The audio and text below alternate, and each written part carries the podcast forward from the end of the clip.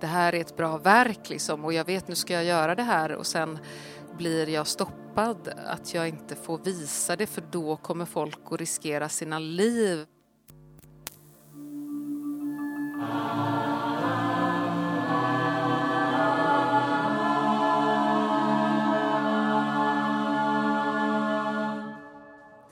Hej och välkomna till FULs nya podcast. Både ni som är här och följer inspelningen live på Café Trapphuset här på Kulturhuset Stadsteatern Vällingby och ni som lyssnar på podcasten.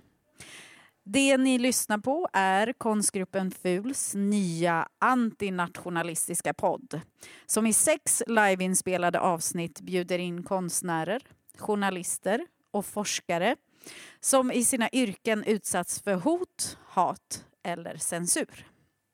Temat för vår podd är konstnärlig frihet och yttrandefrihet och anledningen till att vi gör den här antinationalistiska poddserien det är att vi ser att det sker förskjutningar i demokratin och att framförallt populistiska, fascistiska och nationalistiska krafter arbetar ihärdigt med att försöka stoppa kritiska röster och personer som arbetar för allas lika värde.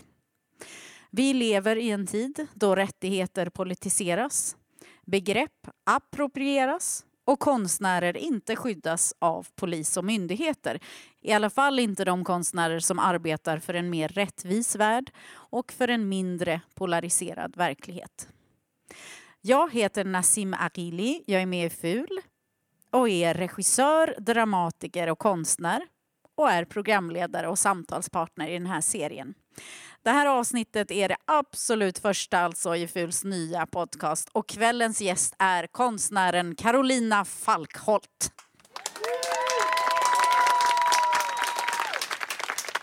Carolina Falkholt är konstnär som gör performance, musik och muralmålningar som ju är den konstform som hen under senare år mest uppmärksammas för. Bland annat har flera av Carolinas verk blivit censurerade, stoppade eller övermålade för att de föreställer nakna kroppar eller kroppsdelar. Självklart har dessa feministiska målningar också gett Carolina många, många fans och några av dem är ju med oss här idag live. Välkommen Carolina. Tack. Vad fint att du är vår första gäst. Det känns bra att vara först ut också. Ska vi börja direkt med frågan vad är konstnärlig frihet, tycker du?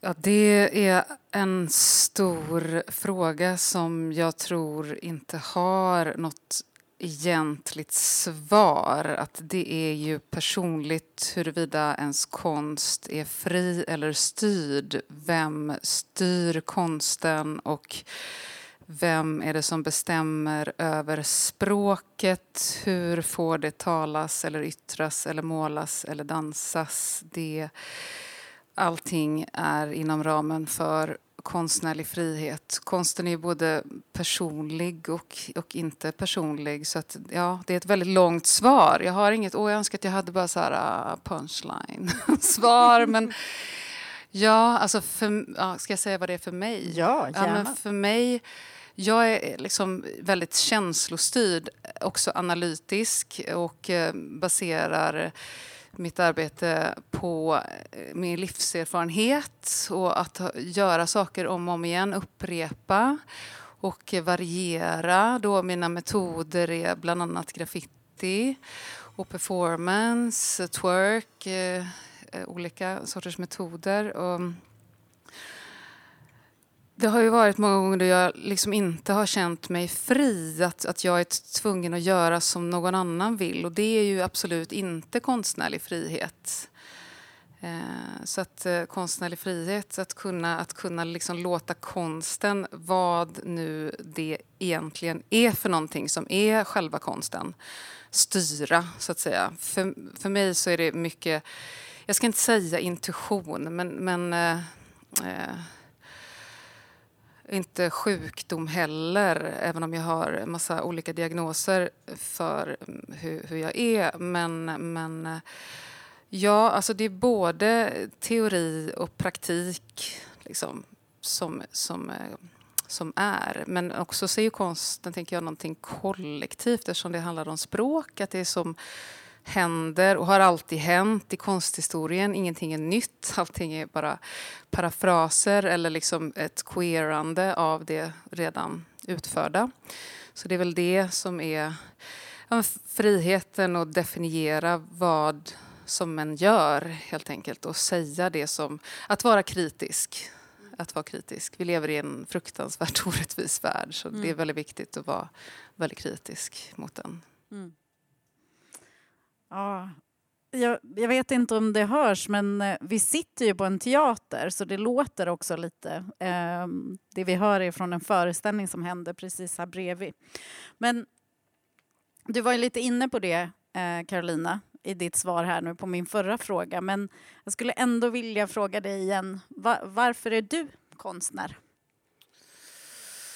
Jag hade inget val annat än att och eh, bli konstnär som jag alltid har känt mig som i min liksom yttersta frihet att vara liksom ihopkopplad med att kunna flyga, att låta kroppen och tanken flyga fritt liksom, och buren av själva sig själv, liksom, av, av tanken. Att man gör sin egen grej. Liksom. Jag är ingen teamplayer. Liksom. Jag hamnar alltid i någon slags marginal eh, för att jag har, liksom, jag har väldigt svårt att följa regler. Eh, för att jag är väldigt kritisk mot regelsystem. Om man tittar på eh, lag, lagar till exempelvis. hur senast förra veckan diskuterades det i Storbritannien om transpersoner skulle tvångsomvändas eller inte. Alltså förra veckan. Så det går inte att förhålla sig till regler eller lagar. Det är omöjligt. Vi måste hela tiden uppgradera och uppdatera vad som är reglerna för vår kultur, liksom, till exempel det, det kan ingen annan göra. Det får en, en göra själv liksom, på något sätt. Och resonera, tänker jag. Det är väl konstnärlig frihet att kunna göra det eller att eh, våga göra det på något sätt. För det finns ju ett stort motstånd av liksom, konservativa idéer som har odlats i, i århundraden. Liksom. Men eh, går det att prata om vad konsten har för roll i ett samhälle då? Du har gjort det ganska mycket här nu. Du har nämnt att det viktigt att vara kritisk till exempel. Men skulle du vilja lägga till något där? Alltså en av konstens roller är liksom att förstöra det som är fel för de som inte har det bra. Alltså minoritetsgrupper och människor som inte mår bra på grund av hur samhället är konstruerat. Jag tänker att konsten går in där och skapar som ett slags motgift eller medicin på något sätt liksom för sig själv och andra samtidigt. Vi ser, om man tänker på den här eh, foam-teorin, liksom att allting är som ett stort skum, liksom nätverk, att vi är som bubblor var och en av oss och allting vi gör är liksom i, i sfärer och att det finns liksom sfärer av olika sorters eh, offentliga rum som befinner sig i olika bubblor som förhåller sig till varandra så behöver vi ta hand om vår egen för att inte de andra ska gå sönder. Wow, vilken fin beskrivning. Åh, tack. Um... Ja, men låt oss prata om några av dina verk då. För du har ju varit med om att eh, ja, men din kritiska röst har både försökt stoppas men dina muralmålningar har ju också blivit övermålade och så. Och vi har ju ett exempel här med um, verket God giving a fuck. um, ett beställningsverk av uh, Trafikverket um, som då uppfördes i, i Göteborg i det offentliga rummet. Kan du berätta lite om det verket? Ja, jag började med... Vi har, alltså, våldtäktsmän i Sverige och världen döms för lite. Det finns liksom inga system. Det, det, vi har precis fått sexuellt samtycke eh, lagfört. Så det, det, finns liksom inget språk kring sexualitet som är liksom gångbart, som man lär, som man lär sig eh, som funkar. Så där behövs det väldigt mycket demokratisk eh, övning och konst att komma in liksom, i språket. För att det, det är på något sätt som att en har ett samhälleligt ansvar att tillföra den liksom kunskap som man själv har skaffat sig in och göra det genom konsten så gjorde jag i det här verket och God giving a fuck som är en parafras på ett annat verk som Monica Sjö gjorde 1968 som heter God giving birth. Och eh, jag skrev först på väggen döm alla våldtäktsmän för att jag var jag var bara väldigt, väldigt arg på att, eh, att eh, så många som Ja, det finns liksom rätts, inget bra rättssystem för hur man hanterar ehm, eh, övergrepp. Och det, det, är svårt. Så det gjorde jag det och då tänkte jag att den texten skulle, liksom, den fick vara där i 48 timmar. Jag tänkte nu får den texten liksom jobba lite. Någon kanske ser det här, tänker på det här, gör någonting mer åt det här. Och sen målade jag över den här bilden då på eh, ett, den var 25 meter lång och ett ben som eh, säras på sig så det är liksom en, en eh, fitta i mitten. Liksom, och det är själva målningen. Vad var det du frågade nu? Jag glömt. ja, men, eh, ja, men jag, jag, vill, jag ville att du skulle berätta om den och det, det gjorde du ju. Men det fanns några turer där med Trafikverket. Hur, Ja, Hur ser det ut där idag? Ja, först så fick de mycket kritik för att det stod döm alla våldtäktsmän, för det ville de tydligen inte göra. Så att, eh, det fick jag höra. Och sen eh, när jag målade själva målningen så tog, jag hörde inte så mycket kritik förutom att det var någon som spottade på min assistent och när folk gick förbi så, så sa de väldigt mycket kritiska saker sådär men det var liksom inget våld eller något utan, förutom det här spottandet då på eh, min assistent. Men annars så gick det bra att måla. Men sen åtta dagar senare någonting så kom det någon person anonymt och målade, liksom, censurerade själva fittan i målningen genom att måla som svart fyrkant över det. Så ehm, ja, det var inte första gången som någonting sånt händer mina verk. Liksom. Och vad, vad hände sen? Vad tog Trafikverket ansvar för sabotaget?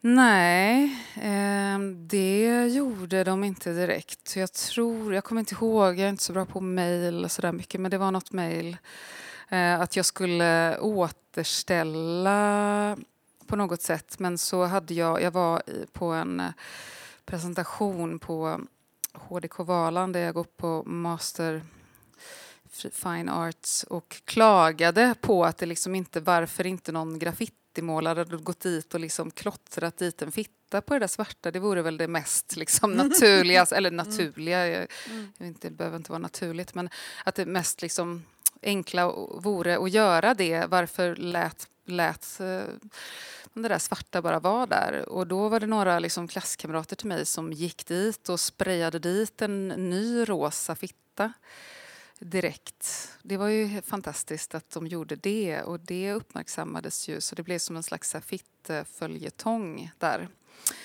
Eh, och då ville ju Trafikverket genast när den där rosa fittan kom upp, då skulle det verkligen eh, ändras om. Då skulle jag dit och direkt, för jag tyckte bara, nej men vadå, det där, det var där, nu är den ju renoverad, nu är den ju klar. Liksom. På tal om kollektivitet. Ja, mm. precis. Eh, så det, det ställde jag mig emot. Eller jag sa jag kan gå dit eh, och liksom göra om jobbet en gång till om ni liksom, eh, eh, ersätter mig för det. Men det ville de inte göra utan de tyckte att jag skulle gå dit och jobba gratis. Och då var mitt förslag att ja, men om ni jobbar en vecka gratis på Trafikverket så kan jag också göra det så kan vi alla skänka pengarna till någonting annat i så fall. Inte bara konstnärerna som ska göra allting för att de tycker att det är så jävla roligt hela tiden.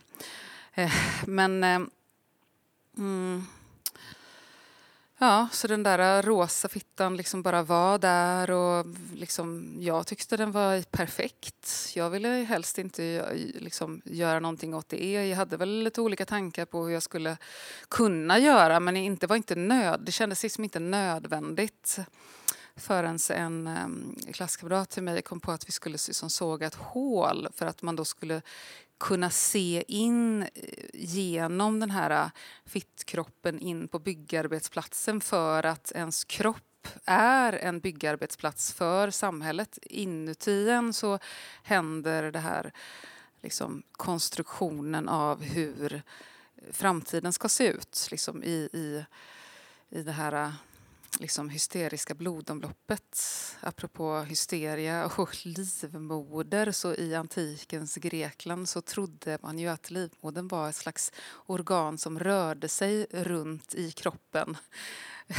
och så här, apropå hysteri, men ehm, Ja, så då sågades det ett hål och eh, det där hålet blev till en scen för eh, poesi och eh, ja, det har varit ett performance hittills på den här scenen som nu finns som är typ 80 diameter i centimeter vad det nu heter. Mm.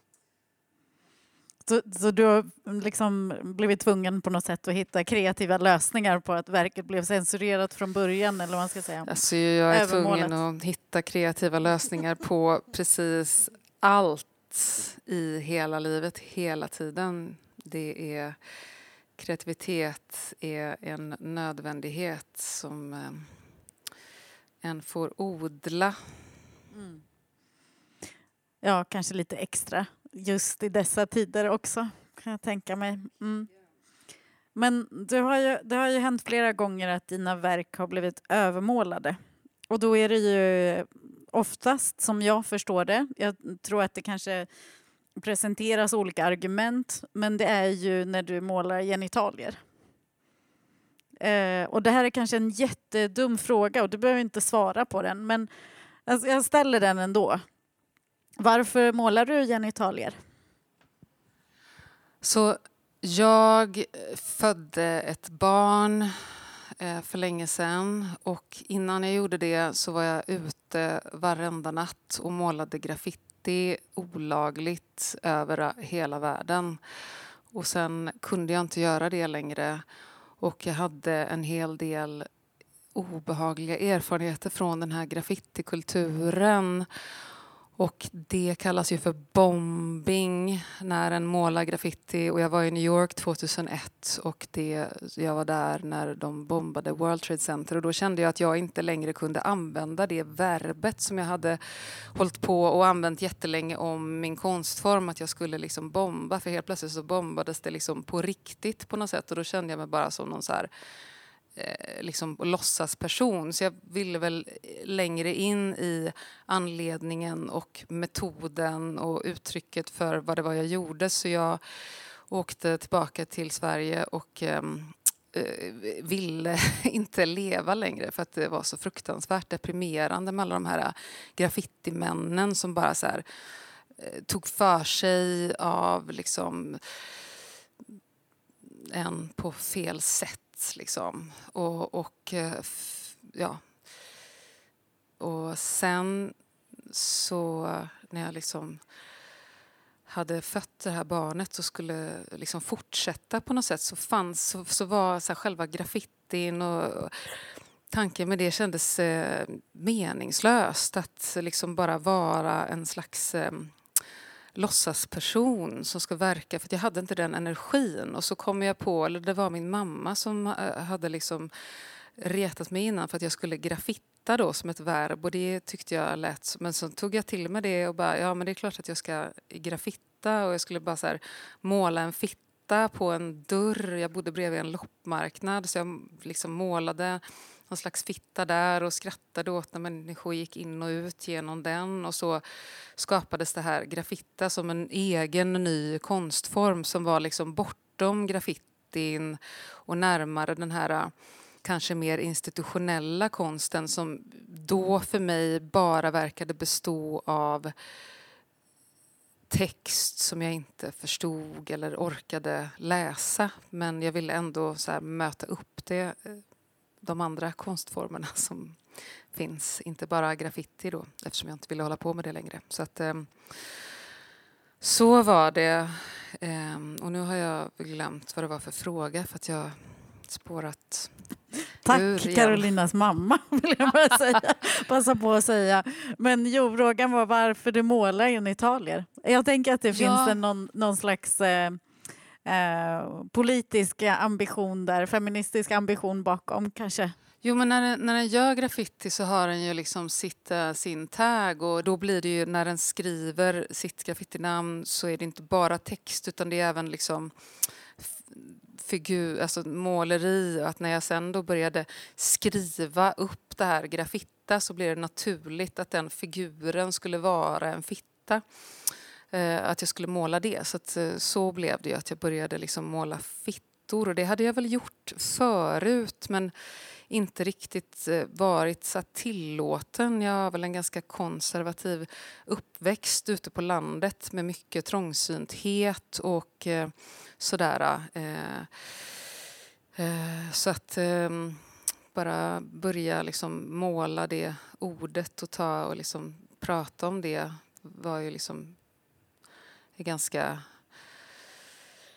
mycket ansträngning kommande från graffitin där liksom att vara en fitta. Också i liksom vanligt samtal i mainstream så är ju liksom att vara en fitta är ju liksom att vara dålig helt enkelt. Det är ju väldigt vanligt att, den, att det ordet används för det och jag ville väl ta tillbaka det ordet Precis som med kuk, liksom också att det, man säger eh, liksom att vilken jävla eh, what a fucking dick, liksom att det är någon dålig, att det liksom är dåligt att vara, att ha genitalier eller att vara sina genitalier är någonting negativt, vilket gör att en skammar hela sexualiteten i språket, att, att alltid liksom använda det som nedsättande. Och jag tror att det är nog skadligare än vad vi tror. Eh, en kompis till mig som sa för några år sedan att bara words have power, thoughts have power. Och det, var så, det blev så tydligt när han sa det till mig. För att jag bara, vad jag säger till mig själv, vad jag säger till andra är väldigt viktigt. Så att ett ord, ord är liksom viktigare än pengar. Mm. Men, och du var inne på det tidigare när du pratade om våldtäkter och sexuellt våld. Men jag tänker att många av dina verk eh, är ju tydligt feministiska. Och jag tänker på det här verket som du gjorde för en skola i Nyköping som heter ju Övermålning också va? Där Ja. du också använder dig av, eller där ni, kanske det kanske var, jag vet inte, eh, där ni använder er av ord också. Ja, jag började, jag hade tänkt ut det där verket innan att jag ville liksom jobba med det toalettklotter som jag hade liksom upplevt genom hela mitt liv. Eh, kränkande eller obehagligt på något sätt på offentliga toaletter, toaletter i skolan och sådär. och Att det stod, vad det stod skrivet. Och så ville jag ta de här orden, nedsättande ord som... Jag ville ta nedsättande ord för alla minoritetsgrupper men sen fick jag liksom begränsa mig lite. Eh, och då blev det just... Eh, första ordet var hora som jag skrev då och sen så fortsatte så målade jag över det och sen skrev jag olika andra kränkningsord i ett liksom, försök att ta tillbaka de orden liksom, och använda sig av de orden på något sätt. Så det har ju varit en process liksom, därifrån och hit att liksom, äga det eh, kränkande språket och göra det till någonting eh, positivt istället för att någon annan, att liksom patriarkatet ska ha makt över kroppar genom att kalla dem för skällsord, liksom att, att den skäms på grund av det, att, att, man, att den liksom slutar att skämmas. Skam är ju så, ett sånt vapen. Liksom. Eh, så det här, det här så målade jag de här orden över, över, över, målade, målade över och till slut så målade en sån abstraherad eh, fitta Eh, kropp som liksom dansar i luften ovanpå det här. Och jag hade berättat för eh, den här kommunpersonen innan vad jag tänkte göra, eh, beskrivit hela verket och att jag tänkte dokumentera allting med foton och ville gärna att de skulle ha hela den här serien på skolan så att de kunde också tala om just när speciellt tjejer liksom blir kallade för horor. Liksom att det, så här, att det är hur, en, hur hanterar en det istället för att bara så här, gömma sig liksom, på något sätt och så fundera på vad det betyder att liksom vara en hora. Eh, ja, att det är någonting som, som, som man behöver prata om. Men det ledde till att eh, det blev någon så panik där i kommunen när de upptäckte att det var liksom liten fitta på väggen för då fick de för sig att de hade beställt någon slags solnedgång. Jag förstod ingenting för att det var någon gubbe som kom förbi och bara ja det hade varit trevligt med ett havsmotiv. Ja men det kan du gå till vilken loppis som helst och köpa om du vill ha. Men liksom det här, eh, ja. Och sen, sen så, skulle, så skrev de, fick som panik så de skrev på sin hemsida att de skulle måla över det här. Men då kom det liksom...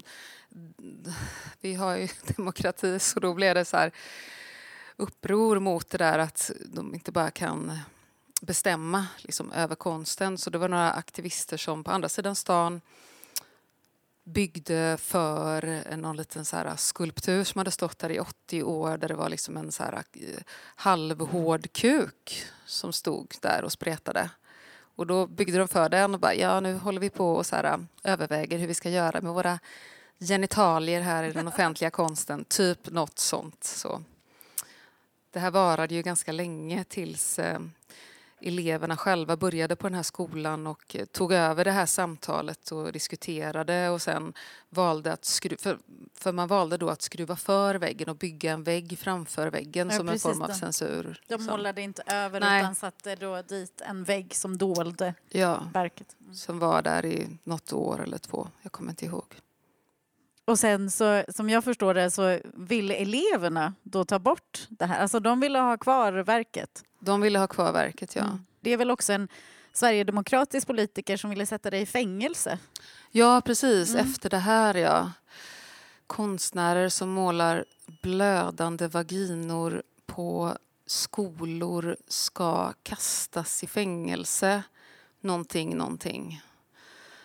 Så det ser jag fram emot. Det kommer bli många push-ups när Sverigedemokraterna kommer till makten, vilket de förhoppningsvis inte kommer göra och jag kommer kastas i fängelse. Då kommer jag göra mycket, mycket träning. Mm. Mycket uttråkad i min cell. Fast, ja. Mm. Men, men kan vi prata om armlängds avstånd? Alltså, jag, jag tänker att eh, vi har ju ändå det finns ju vissa lagar och principer i, i eh, Sverige och bland annat så finns ju armlängds avstånd där politiker alltså inte ska lägga sig i själva innehållet i konsten. Men här har vi då en riksdagsledamot eh, till och med som tycker att du ska slängas i fängelse. Hur tycker du att vi har arm, armlängds avstånd i Sverige? Eller praktiseras den? Det är ju en eh, väldigt eh, viktig princip som, som det borde informeras om. Jag har ju varit med många gånger då armlängds avstånd inte har praktiserats, till exempelvis senast i Simrishamns kommun där några kommunanställda på eget bevåg målade över en av mina väggverk som hade ett tillfälligt eh, bygglov men då blev det liksom någon slags publik opinion, heter det va? att de ville liksom ha ett verk. Så en privat fastighetsägare bad mig att komma dit och måla. Eh, så då blev det ett nytt verk, fast det blev ju liksom ett helt annat verk än det ursprungliga verket som faktiskt hette armlängds avstånd.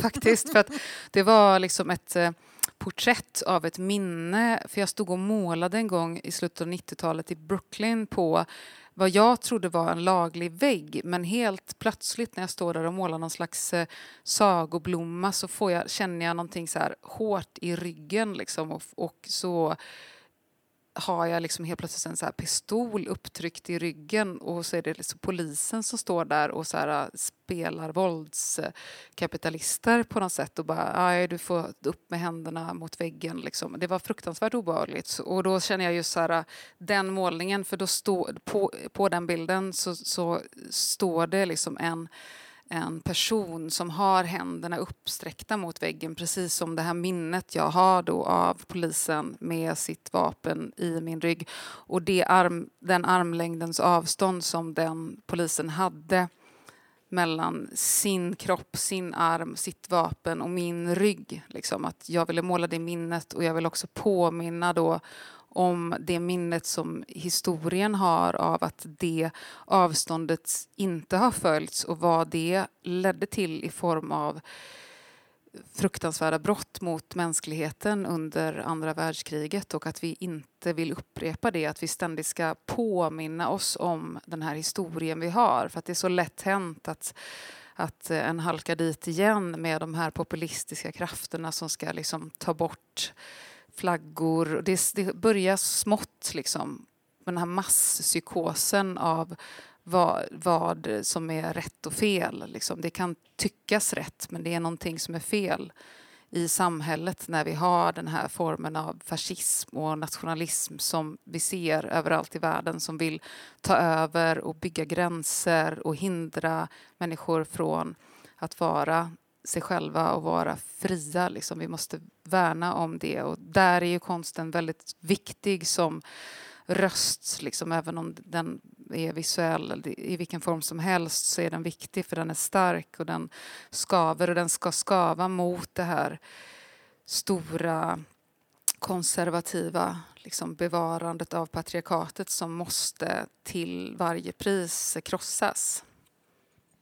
Mm.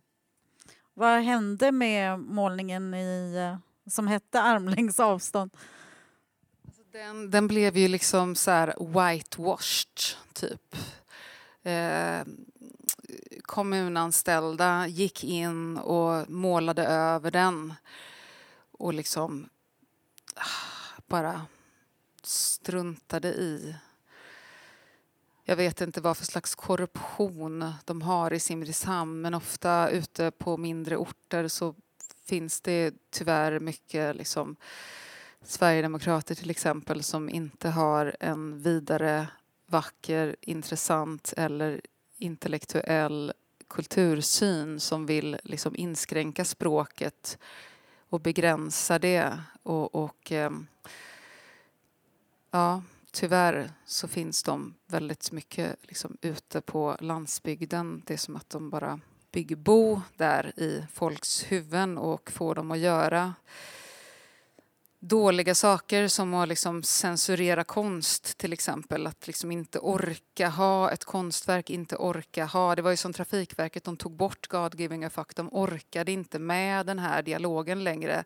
Nu är det något jävla eh, helvete i pastell där. Alltså jag älskar pastell men just nu så liksom bara att bli övermålad av liksom skivade apelsiner känns inte särskilt eh, härligt. Liksom. För, för konstens del, för jag kan skilja på konst och person och konstverket i sig vill stanna kvar, vill vara kvar, vill ha sin egen agens, att fungera som samtalsöppnare under så lång tid som möjligt. Det är som en slags husockupation kan man säga och förstå, förståeligtvis därför ska den tas bort. Och det tror jag också hände med det här verket i Simrishamn att de, eh, de orkade kanske inte längre liksom titta på det här och tänka kring det här. Liksom. För det var ju bilden av ett brott som, som var uppmålat på väggen, kanske inte liksom så otroligt våldsamt som det kändes men ändå, det kanske ändå kändes. Det kanske skavde i ögonen när, när de tittade på det här. Jag vet inte, jag var inte där. Jag kom tillbaka dit och målade, jag gjorde ett anagram senare med eh, händer som tecknar bokstäver. Så ett anagram på vagina då som blev avigan. Så står det det där på väggen för att jag gillar liksom språk och eh, Mm. Men jag tänker att det är många konstnärer och det har ju faktiskt gjorts utredningar och så som visar att det är, finns kommuner och regioner som inte riktigt praktiserar armlängds avstånd. Eh, att det finns ett reellt problem med det i Sverige. Men så tycker jag att du beskrev det också väldigt bra hur liksom, ja, men hur politiker också kan göra gemensam sak med näthatare. Och, för att nu pratar vi ju om eh, övermålningar och politiker som klagar och, och sådär. Men du lever ju faktiskt också med hat och, och hot, eh, tänker jag, från lite olika håll. Skulle du vilja berätta något om det? Alltså jag, jag blir bara, jag hör ordet politiker så blir jag liksom arg. Det känns som fel personer på fel plats. Att liksom, ja, det är inte säkert att de gör ett bra jobb och det är inte säkert att liksom människor som röstar fram dem, ja men i vissa länder så röstar de ju fram sig själva som den här fucking Putin liksom, som bara har liksom tagit över ett helt land. Det är hemskt och det är ju inte säkert att den liksom kan förlägga sin egen medmänskliga och samhälls byggande känsla, om man nu har en sån, att förlägga den i händer på politiker och tro att det räcker att betala skatt för att samhället ska funka bra. Det är inte, det, så, så är det ju inte. En måste liksom vara delaktig i det här demokratiska liksom, spelet, vill jag inte kalla det, men någonting är det ju som, som pågår och eh, att mycket handlar om makt och kontroll och att folk, politiker, liksom blir kåta av att ha makt. Alltså för ibland när en pratar om konstnärlig frihet och yttrandefrihet för konstnärer så kan det, så kan det det finns en närvaro av röster som tycker så här, åh, åh, buhu, vad synd om er att ni inte kan göra er konst som ni vill. Eh, och det är ju ett fruktansvärt argument för jag håller ju helt med dig om att den fria konsten ändå är ett fundament för ett demokratiskt samhälle. Men det handlar ju faktiskt inte bara om det, utan det handlar också om fysiskt våld. Jag tänker, får du hjälp av eh, Går du till polisen till exempel? För det är många konstnärer som inte ens går till polisen längre för att en är så van vid att inte få hjälp när en utsätts för hat och hot. Och fysiskt våld faktiskt. Ja, jag... Ehm, nu har jag inte liksom behövt att gå dit eh, eh, på ett ta i trä vill jag säga nu då bara för att jag inte ska säga någonting. För, men men eh, det har jag ju behövt att göra mycket när det har kommit till liksom fysiska och psykiska hot. Sådär. Att jag ska dö på grund av min konst och jag vet inte när det ska hända. Det kan hända när som helst. Jag vet att jag har någon så här eh, dödsstämpel på mig. Så jag, jag kan förvänta mig det när som helst för att jag är någon så här mål för de här eh, som, som inte vill att jag ska göra det jag gör. Men jag kan ju inte liksom... Det spelar ju ingen roll hur, hur många lås som jag har. Liksom, är det så här ondska? Liksom, var ligger den egentliga ondskan någonstans? Jag får ju också förhålla mig öppen till jag vet inte, jag har inte den totala sanningen om någonting. Jag bara håller på och experimenterar med min egen version av feminism liksom, och förhåller mig liksom, relativt öppen till olika sorters språkliga influenser som gör att jag kan uppdatera mitt intellekt och eh, eh, göra bättre konst är väl det hela. Man kan ju tänka sig att en sån konstnär har något slags... Alltså det är inte bara jag som har gjort mig själv till konstnär, det är ju även liksom eh, publiken eller liksom det, det, offentliga som har liksom eh, interagerat. För mycket av mitt arbete består i den här sortens samtal och dialoger och tankar, hur den kommer vidare. Så att vi är ju inte liksom några enskilda så här, eh, back in the day så brukade man ju bara så här, titta, alltså konstnärens roll var att vara något slags geni. Liksom, som var så här, en utvald, upphöjd, upplyst, genialisk. Men det har vi ju inte längre utan det är mer att konstnären är någon slags eh, socialarbetare liksom, i något som i, jag tror i framtiden i, jag tror på 100 procent på kollektiv form. Alltså våra namn har inte så stor betydelse. Vi kan kalla oss för massa olika saker, liksom, att våra identiteter löser upp sig och att det är mera vi, är liksom, vi är liksom redan i någon så här post, postkonceptuell tid, liksom att våra idéer, allting liksom, varför ska en äga? Det är ju kapitalistiskt att liksom så äga sina idéer. Du, jo, du kan ju äga det i form av att du så här, känner att du har rätt på något sätt att säga det du säger men ändå på något sätt så är det ju så här men får, ja. får jag avbryta dig lite? Absolut. Med att, och, jag tänkte på en sak du sa här om att ja, men en, ens namn är inte så viktigt och jag tänker att det är ju också väldigt sådär ja, men en samtida grej att konstnärskap är som varumärken. Och jag tänker på det ändå i relation till dig och de uppdrag du får. Är ju, alltså, du har ju ett väldigt tydligt, eh, ett tydligt konstnärskap. Och eh, jag tänkte på att du var ju med om ehm, en incident på svenska ambassaden i USA, alltså i Washington, då antar jag. Mm.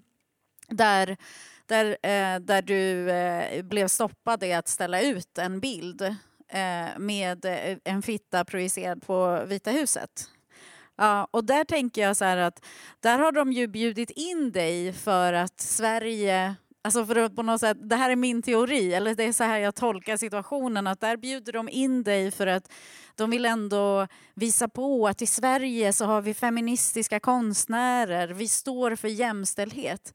Men när du på riktigt kritiserar någonting eh, och när du på riktigt på något sätt ifrågasätter patriarkatet och gör feministisk konst, då är det att gå lite för långt.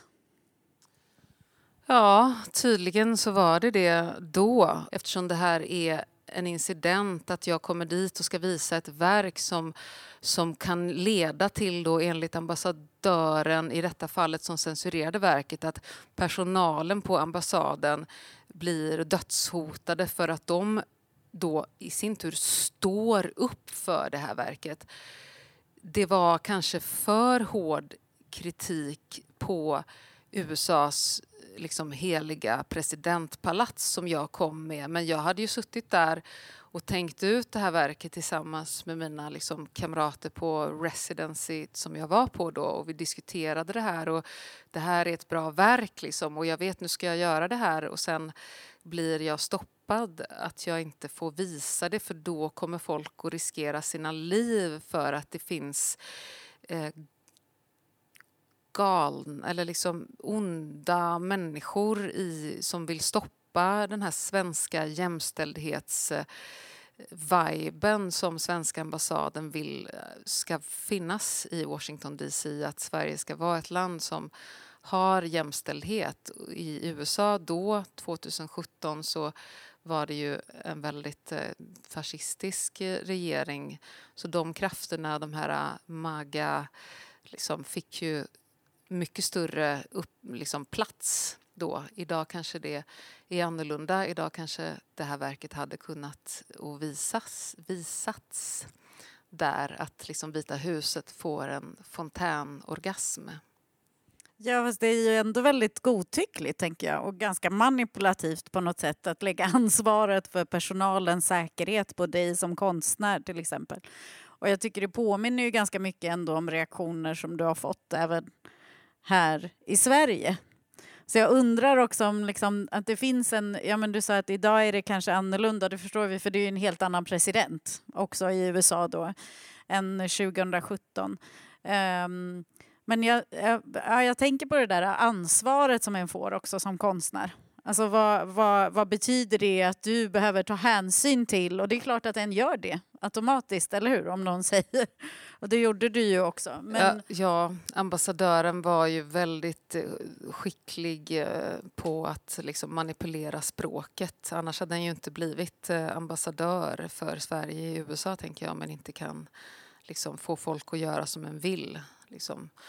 Så det, jag var ju tyvärr väldigt så lydig då och bara, ja okej, okay, då visar jag väl inte verket, vilket jag tycker är liksom idiotiskt i efterhand. Jag hade tänkt att liksom trycka upp det och göra old school, liksom, och dela ut vilket jag gjorde i efterhand, men en är ju alltid efterklok. Jag kommer att lyssna på den här podden sen och bara åh, jag skulle ha sagt så där. Shit, vad jag skulle ha sagt så. Liksom. Kommer jag tänka direkt när jag går ut härifrån så kommer jag ha så många svar på alla dessa frågor. Men jag tänker, åh herregud, att du ska tänka jag borde ha gjort så där eller jag skulle ha vågat. Du har tagit så många på det team, vill jag bara säga. Okej, tack. tack. Alltså eh, ändå... Ja, men, eh, alltså, en fascineras ju verkligen Carolina över ditt mod. Eh, jag tänker att nu, nu berättar du om de här exemplen men jag vet ju också att du har utsatts för fysiskt våld.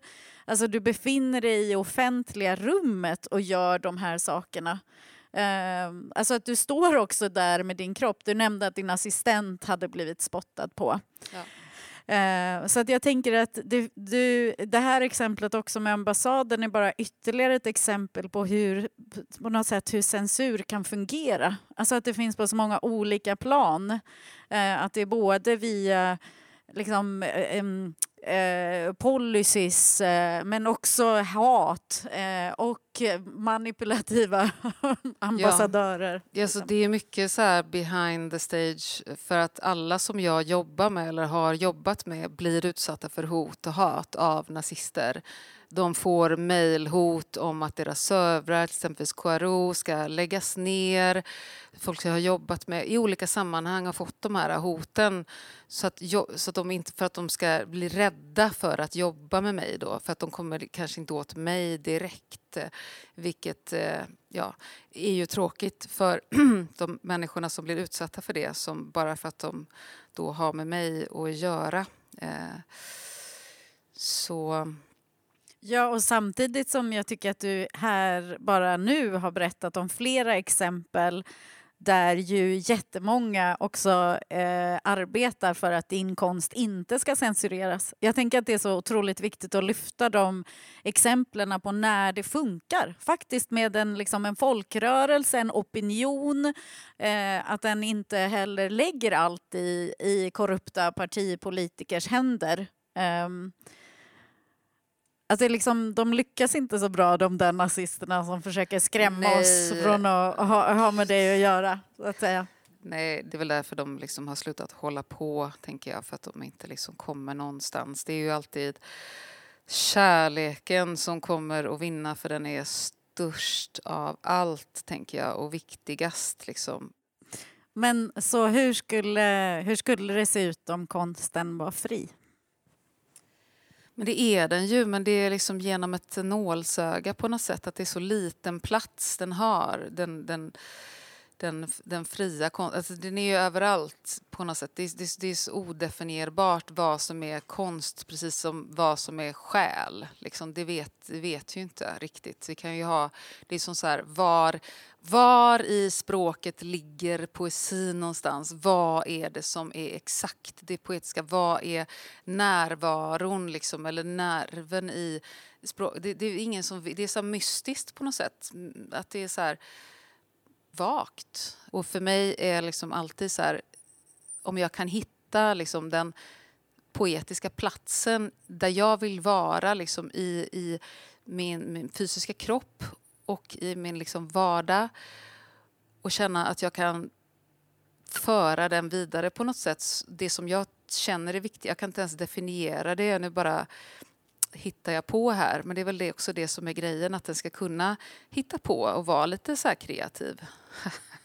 ja, men då skulle jag vilja lägga till att, äh, att jag tänker att du ska kunna göra, om jag tittar på det utifrån eller som konstnär själv, om jag funderar på det du säger så är det ju helt fantastiskt. Allt den här flerdimensionella, liksom, existentiellt maxade upplevelsen som det kan vara. Men att, eh, att om konsten var fri så skulle en kunna göra allt de där, alla de där sakerna utan våld till exempel. Eller att ha ett skyddsnät om en blir utsatt för det. Eller så, eh, så skulle du ändå säga att konsten är fri i Sverige idag?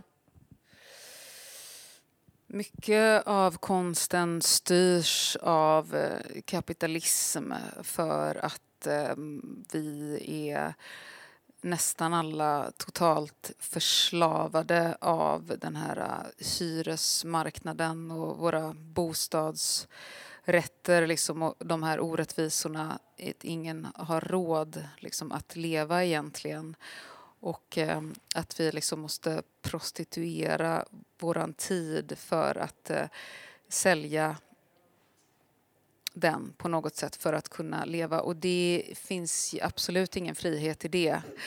Nej, alltså det är ju väldigt dyrt att göra alltså gör, Man får ju ofta så betala pengar för att kunna göra konst. Alltså det kostar att göra ett konstverk. Det, många tror så här att, att, en, att, att man säljer, men det är liksom det finns inte. Det finns en konstmarknad, det finns en massa freeports där miljardärer stashar konst för att kunna slippa betala skatt.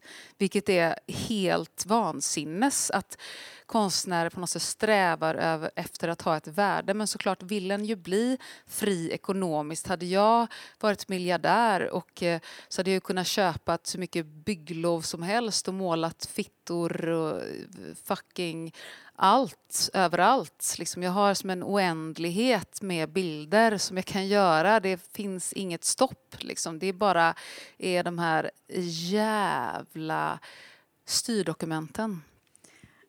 Ja, men, och med den bilden och de oändliga bilderna eh, som du kommer att göra eh, så tänker jag att jag vill tacka dig för, den här, för det här samtalet eh, och allt, eh, allt det viktiga du gör och vågar och har gjort även här idag i samtal med oss.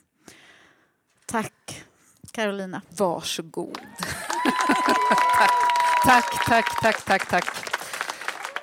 Jag jag gör, jag gör så gott det går. Det går inte att göra mer än vad en kan, en kan mäkta med. En får liksom bara ta nya tag varje dag. Det är det här också liksom att vakna upp, att få en ny chans varje dag att göra liksom ett nytt steg för konsten. Liksom att queera hela upplevelsen vidare i nya konstverk.